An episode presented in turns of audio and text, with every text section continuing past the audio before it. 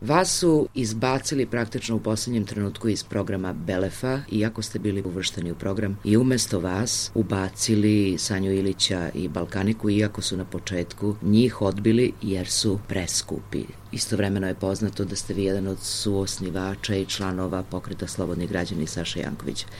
Da li smatrate da je ovo zapravo politička sankcija i politički intervenisana odluka? Ja mislim da je ovo skup faktora koji je rezultirao našim isključenjem. Jedan je neprofesionalan čin, poražavajući i meni nepoznat do sada. Bavići se muzikom u, u Srbiji i regionu, svašta smo doživeli, ali ovo nisam doživeo. To je jedna strana medalje. Druga strana medalje je očigledna politička pozadina, da li u kontekstu mog angažmana sa Sašom Jankovićem, da li u kontekstu sanjinog angažmana ili ti neke veze sa nekim i ja zaista ne mogu da direktno pokažem prstom šta je i kako je, ali sled okolnosti ukazuje na to da postoji neka pozadina, jer ako eh, je neko u startu izbačen iz programa zato što je preskup, zato što nije podoban za ovogodišnji festival, a neko drugi je uvršten u program, tom nekom drugom je potvrđeno to, a nakon toga iz neobjašnjivih razloga ničim podržano jednim pismom u sandučetu objašnjeno da nije deo programa, to jednostavno nije normalno. Nešto tu nije u redu. Zahvaljujući članici upravnog odbora, predsednici Udruženja kompozitora Ivana Trišić, mi smo zapravo saznali koji su razlozi našeg isključenja. I nakon njene ostavke se usudili da ovo iznesemo na, na viši nivo, to je da se obratimo i medijima, a boga mi i sudu. Vaši kolege iz pokreta Slobodni građani Saša Jankovića, Dragan Velikić, Kokan Mladenović, Dušan Ivković tvrde da je to politička sankcija vama zato što ste suosnivač i član pokreta. Nije prvi put da se ovakve stvari događaju. Sećamo se svi koncerta Vlade Georgijeva u Smederevu koji je otkazan. On je takođe podržavao gospodina Jankovića. Prosto ponavlja se matrica. Jeste, pa imamo to i sa ovom sterijonom nagradom. Tako i sa je da. Georgijevim i sa Velikićem, sa onom knjigom najprodavanijom, jel? Boga mi Đuričko ima nekih problema, koliko znam i Sergej Trifunović. Izgleda da se ja pridružujem toj grupici kolega i, i nekih mojih čak i prijatelja. Je li to crna lista? Da li vi to možete da doživite kao pa tako deluje. Mislim, tako lista? deluje. A, ne možeš, ako imaš i ole mozga i, i rezona, da nazoveš to slučajnosti. Slučajnosti su kad imaš jedan primer, a ne deset i baš svi mi ispado smo slučajnost, a svi smo mi otvoreno dali podršku jednom kandidatu za predsednika i dalje smo na njegovoj strani, što bi rekli. To je na strani neke druge Srbije, da tako kažemo. Mene to pogađa na više nivoa. Jedan nivo je ta bezočnost u komunikaciji, čak se nisu ni potrudili da izmisle razlog zašto bi nas isključili iz programa. Sada kao u svoju odbranu pominju taj budžet koji je upravo kontradiktoran, jer je Sanja taj koji je preskup, a mi smo ti koji smo u okvirima budžeta i bili planirani da nastupamo. Pominje se moje nastupanje na Belefu koje je isto nebitno jer sam dva puta pratio Biseru Veletanić jednom, drugi put Jelenu Jovović, pevačicu džez muzike. Nikada za 20 godina koliko sam ovde i koliko aktivno radim sa ovim bendom nisam nastupao na Belefu. Užasno mi je bilo drago što se to konačno desilo, što se to planiralo da se desi u bašti SKC-a. Otkazali smo turneju po Makedoniji zbog toga, izgubili neke novce ozbiljne. To je niz nekih stvari koje su neoprostive. A onda na sve to se naravno postavlja i ovo pitanje koje vi postavljate, da li je moguće da se to na taj način radi samo isključivo zbog nekih političkih poteza koje si napravio, a koji su apsolutno legitimni u jednoj demokratskoj državi. Moj izbor je da podržim jednog ili drugog ili trećeg kandidata i valjda ne bi trebao da zbog toga ispaštam ni na koji način. Zar ništa ovoj zemlji ne znači, kulturnoj politici ove zemlje, konačno imidžu ako hoćete, mislim, ove zemlje ne znači činjenica da ste vi recimo vaš album Alive u prošle godini da je bio jedan od najprestižnijih albuma i to po ocenama koje stižu s polja. Taj album je proglašen za jedno od najboljih izdanja prošle godine, je tako, od strane da. američkog časopisa, prestižnog časopisa Downbeat. Komponovali ste i aranžirali pesmu Reach Out za 70. godišnjicu Ujedinjenih nacija. Bili ste predstavnik Expo u Japanu, predstavnik Srbije na Expo u Japanu i tako dalje. Evo, pomenula sam samo tri prestižna momenta kad je Vasil Hadžmanov bend u pitanju. Da li moguće da to apsolutno ništa ne znači ovoj zemlji, da ona iz toga nije profitirala, nego da ste zbog ovoga svega kažnjeni. Mislim da niko o tome ni ne razmišlja, znate, u tome caka, što bi rekli. Mogli smo mi još troduplo više uspeha da imamo, i ne samo mi, nego razni drugi umetnici. Kultura i umetnost je ovde apsolutno nebitna u svakom smislu i kontekstu iz jednog jedinog razloga što nije profitabilna. Čim tu nema nekog čara za one koji vode igru, tako da se izrazim, njih to ne interesuje to je strašno i to je poražavajuće, ali to je istina. Ali vrlo vole da se nacrtaju u kadru sa nekim od umetnika, sportista i tako dalje koji nešto osvoje napolje za ovu treba, zemlju. Da, kad da. im treba vrlo vole. Dakle, politički ali to veoma treba, vole da... Čak ni to, čak ni to, evo, pomenuli ste taj Japan, to je sve bilo dogovoreno sa jednim japanskim organizatorom i menadžerom, gde smo mi bili jedini predstavnici tadašnje Srbije i Crne Gore. Expo funkcioniše po sistemu da svaka država ima svoj paviljon gde predstavlja nešto što je autentično iz te države. Mi nismo imali tada svoj paviljon, mi nismo imali ni jednog predstavnika, ovo je potpuno organizovano nevezano za našu državu i mi smo tražili recimo tada od države da plate kartu za jednog kamermana koji bi to sve zabeležio. Gde bi samim tim ta država se odmah ugradila, kako da kažem, u ceo taj projekat, okitila tuđim perijom, da tako kažemo, i pokazala, eto, trunčicu dobre volje sa minimalnim zalaganjem, a postala deo toga. Jel? E, ni to nije bilo moguće. Znači, oni ni tu ne vide računicu da. i to mi se desilo nebrojeno mnogo puta, znači koje god da je bila postavka u, u ovoj skupštini vladi, kogod da je bio ministar, to neprepoznavanje nečega što donosi poene tebi, tvojoj državi, tvom ministarstvu, tvom narodu, to je tragično. I taj fokus na potpuno pogrešne stvari, na jeftine šarene laže koje se svakodnevno prodaju od raznih fontana pa nadalje, je tragično. Fokus e, njihov je tragičan i ja kao jedan od predstavnika nekoga ko se bavi kreativnom umetničkom muzikom sam skrajnut kao i sve moje kolege i potpuno nebitan za njih. Šta god da uradim i kako god da uspem, što bi rekli u, u životu. Slušate intervju sa jazz pijanistom i kompozitorom Vasilom Hadžimanovom.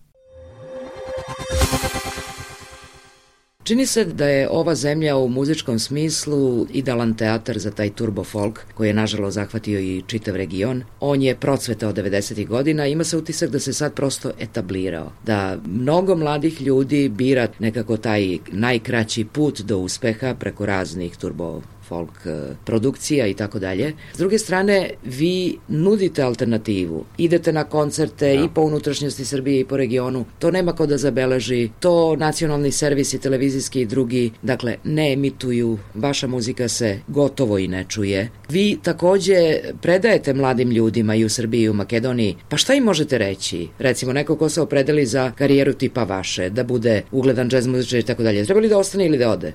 Pa to je najteže pitanje koje možete mi postaviti i koje se nadam da neće ni jedan student da mi postavi. U ostalom imate i čerku sam, koja takođe sam. je krenula muzičkim vodama. Znate šta, ja, evo u bašti Bitefa smo imali jedan divan koncert, donatorski koncert za dvoje mladih ljudi koji treba da idu na Berkeley. Na koncertu su bili između ostalog i Nele Karelić i gomila fantastičnih muzičara. To je bio jedan festival bukvalno. Nedovoljno ljudi se pojavilo. Između ostalog zato što su oni to naravno sami reklamirali gde su stigli kako su mogli. To je bio jedan muzički spektakl, mogu slobodno da kažem, mislim, fantastičan odabir muzičara koji su tu. Neki su došli iz inostranstva, ali uglavnom 90% muzičara je bilo odavde. Sve su to neki muzičari koji se nalaze u istoj poziciji kao i ja, koji suštinski nemaju prostora gde da pokažu to što znaju, publike ja i dalje tvrdim ima. Mi gde god da smo išli po unutrašnjosti Srbije na mestima gde najmanje očekuješ da će neko da se pojavi, ne da se pojave, nego su pune sale, ne da odreaguju, nego su oduševljeni i ne po onom sistemu igra mečka došao neko u grad da nam zasvira, nego pažljivo, sjajno prate od početka do kraja koncert. Tako da suština je u tome da, da niko nije zainteresovan da se uopšte bavi tim delom muzike muzike koji ne prodaje 10.000 karata koji ne prodaje hale, arene i ne znam diskoteke turbo folk muzike, nego se bavi nečim drugim gde ta karta opet može da se proda, da će to biti 200, 300, 500 hiljada ljudi, da će to biti jedan sjajno veče, jedne sjajne muzike, da će ti ljudi otići sa nekim osjećajem lepote u sebi, mi ćemo otići sa nekim honorarima koji su skromni, ali su sasvim zadovoljavajući za naše potrebe, pošto mi i onako ne radimo to iz finansijskih razloga prevashodno, ali fali taj middleman, kako se kaže, znači management, uredništvo, organizatorsko delovanje koje se svede na par entuzijasta koji jednostavno vole tu muziku pa se tako odigra nešto, neki festival, neki klub, neka scena. U svakom slučaju nemam odgovor, nažalost, za ove mlade ljude. Nije ni rešenje da se samo pobegne. Bio sam pet godina u Americi, znam i kako da to izgleda. Bili ste, završili ste Berklee College of Music, onda ste bili u New Yorku neko vreme, vrlo aktivni, pred vama su otvarali putevi i onda negde 97. odlučujete da se vratite u Turbo Folk Srbiju pod sankcijama. Zašto? Pa to su sad razlozi lične prirode, znači to apsolutno nema veze sa karijerom i to je jedna od, od stvari koja mene prati ceo život. Ja sam zaljubljen u muziku, muzika mi je sve s jedne strane, ali s druge strane očigledno mi je jako bitno gde se nalazim i sa kim sam okružen u kontekstu prijatelja, familije i tako dalje te 97. godine kad sam se vratio, praktično sam se vratio da uzmem umetničku vizu, to je ta artist viza koja se dobija na tri godine, koja nije ni lako dobiti na osnovu tvog nekog angažmana do tadašnjeg, ti apliciraš za tu vizu i dobiješ dozvolu u tri godine da radiš, da se baviš svojim poslom, muzikom u Americi, što je veliki pomak. U isto vreme sam imao i posao, radio sam programiranje muzičko u jednom studiju Soho, što je isto fascinantno da sam sve to uspeo da uradim za jedno 6-7 meseci koliko sam bio u Njurku. Svirao sam već sa fantastičnim muzičarima, međutim taj moment presudni je bio kad sam se vratio kući, ja jednostavno nisam mogao da se vratim nazad. To je stvar srca jednostavno i evo bez obzira na sve ovo što mi sad pričamo, ja i dalje ne mogu sebe da zamislim da živim negde drugde. I zaista u tom kontekstu nemam pametan savet ni za te mlade ljude, da li je otići taj pravi potez, čekaju ih razne muke i razne borbe i tamo, jel, da se ne lažemo. Mi smo sada radili, evo sad pravim digresiju, ali povezujem sa tim serijalom M-Lab koji smo radili za RTV Vojvodinu, gde su serija master klasova različitih muzičara uspešnih, uglavnom umetničkih muzičke i alternativne muzike i dotakli smo se tih tema više puta, taj odlazak tamo u inostranstvo, da razbijemo tu mistifikaciju tog odlaska da je onda sve rešeno ako se ode. Znači, ljudi moraju da budu spremni na neke žrtve na koje nisu navikli ovde. A opet, s druge strane, ovde moraju da budu spremni na neke žrtve na koje tamo možda ne moraju. O kojima upravo sada pričamo. Tako je. Pomenuli smo malo čas da je Srbija zaista neverovatno plodno tle za taj turbo folk. Kako vi uopšte tu strašnu evoluciju za vrlo kratko vreme objašnjavate? Kako je to moguće bilo? Zašto je procvetao ovde Turbo Folk? Ko je pomogao to? To je kombinacija opet faktora, jedan od faktora i ratovi. Ratovi samim po sebi izlače iz dubine najgori šljam, a pristojan svet se krije, pristojan svet se sklanja pristojan svet se ne čuje. To su vanredna, najvanrednija stanja gde zna se ko kolo vodi. Samim tim razni saradnici i ortaci tih istih koji to kolo vode su najgori šljam u svakom kontekstu i u svakom delu društva. Jedan od tih delova je i muzika a onda na scenu stupa ono što se zove komercijala i naplaćivanje svega toga i medijska nenormalna podrška te muzike koja drži šapu nad našim životima već 25 ili više godina. Gde ti u svakom sekundu na 10 radio starica može da slušaš to, isto toliko televizijskih, ako ne i više, čitaš u razno raznim smeće novinama o njima svakodnevno svaku sitnicu, a o ovim ostalima ne možeš ništa da čuješ osim ako ne sedneš za kompjuter pa ukucaš nešto u Google. A to znamo da većina sveta niti ima vremena, niti ima interesovanja, niti zna, niti ih interesuje. I kako godine prolaze, sve je gore i gore, i sve ih manje interesuje. Ove nove generacije su još gore. Oni zaista isključivo rade ono što im se servira, ne razmišljaju uglavnom 90% svojom glavom ni u bilo kom kontekstu, da li u kontekstu da možda je glupo da još jednom i ja napravim fotografiju ispred ogledala, kao milijardu drugih, potpuno identičnu, od toga do frizure, do patika, do naravno izbora muzike. U ovom našem okruženju je fascinantno da čak ne prolaze ni ti aktualni trendovi na svetskom muzičkom mm. tržištu, što bi rekli, gde čak i taj MTV jadan ne može da se probije ovde. To je strašno, mislim, ti imaš sada žurke koji su isključivo svaka žurka klinačka je turbo folk muzika. Ja to gledam naravno sve kroz svoju čerku koja trenutno završila drugi srednje u muzičkoj školi Stanković, gde u muzičkoj školi Stanković imaš klince koji na svakoj žurci slušaju turbo folk. Po meni to je ne samo tragično, nego strašno opasno i stalno nešto vičem ko onaj Kalimero, nepravda, nepravda i vrlo malo ljudi me čuje. Uključujući moje kolege koje aktivno učestvuju u promovisanju iste te muzike još od 2000. godina, od početka 2000 gde sam ja tada već bio u šoku kada je pola benda mogao otišao da svira sa cecom, pa do dana današnjeg gde je tada etablirano nešto što se zove pa dobro računi moraju da se plate gde se znači opravdava bilo kakav aktivizam, involviranost sa bilo kakvim ljudima, baš i možda budeš i ubica i prostitutka i diler droge i šta jer god, računi jer da računi moraju da se plate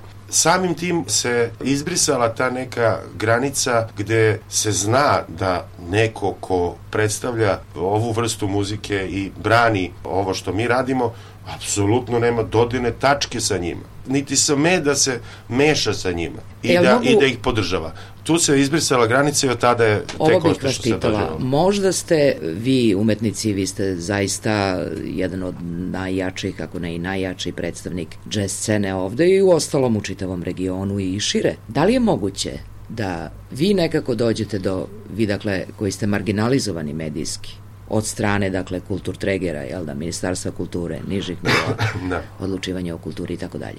Da vi lepo počnete da zauzimate neke prostore. Sađete se kao što su deca zauzela bioskop Zvezda, jel da? da. Koji je neki tajkun kupio i držao tamo bez ikakvog smisla i, i, i razloga, taj prostor, mm -hmm. pa su ga uzeli. Možete li vi da odete konačno iza ušća i da napravite koncert tamo kao što je Beogradska filharmonija pre 20 dana napravila, pa se skupilo 20.000 ljudi. Te pa neke mi, prostore prosto da uzmete. Mi u suštini nismo to do sad radili baš tako, ali praktično 25 godina mi uzimamo prostor u smislu da je sve u našoj organizaciji. Ja čak više ne mogu ni da se pohvalim da mogu da radim sa izvesnim individuama koji se predstavljaju kao da su organizatori ovakve muzike ili ovakvih e, dešavanja, jer i tu nemam dobro iskustvo. Na kraju se najlepše i najpametnije i najbolje u svakom smislu završi priča kad smo mi sami sve. Nataša, moja supruga, je menadžer i organizator, grupa naših prijatelja pomaže oko svih mogućih e, segmenata jednog koncerta ili master klasa ili šta je već u, u igri. I mi na kraju nađemo jednu osobu s kojoj možemo da, eto, završimo taj prostor gde to treba da se odigra i to je to. Tako da mi praktično tako i delujemo, možda ne baš tako direktno da uletimo sad u neki e, prostor i zauzmemo ga bukvalno fizički, ali što je naravno mnogo teže, jel, nego da imaš jednu infrastrukturu koja podrazumeva da postoje lokacije ne samo u Beogradu, naravno, nego po celoj Srbiji, gde ti znaš da kad imaš nešto da ponudiš, ti možeš da razgovaraš s tim ljudima i kad imaš adekvatan program, da naravno taj program predstaviš. Festivali su jedna stvar koja postoji, imaš jedno 12-13, verovali ne, jazz festivala u Srbiji koji su redovni, svaki od njih, ali bukvalno svaki od njih grca i jedva preživi tu uh, godinu da bi se eventualno desio ponovo, ali se odigra, eto to imamo, ali to naravno nije dovoljno, mislim šta sad jednom godišnje ćemo da slušamo džez i nikad više, jel? Tako da sve je na nama i to smo već prihvatili odavno i tako se i vodimo.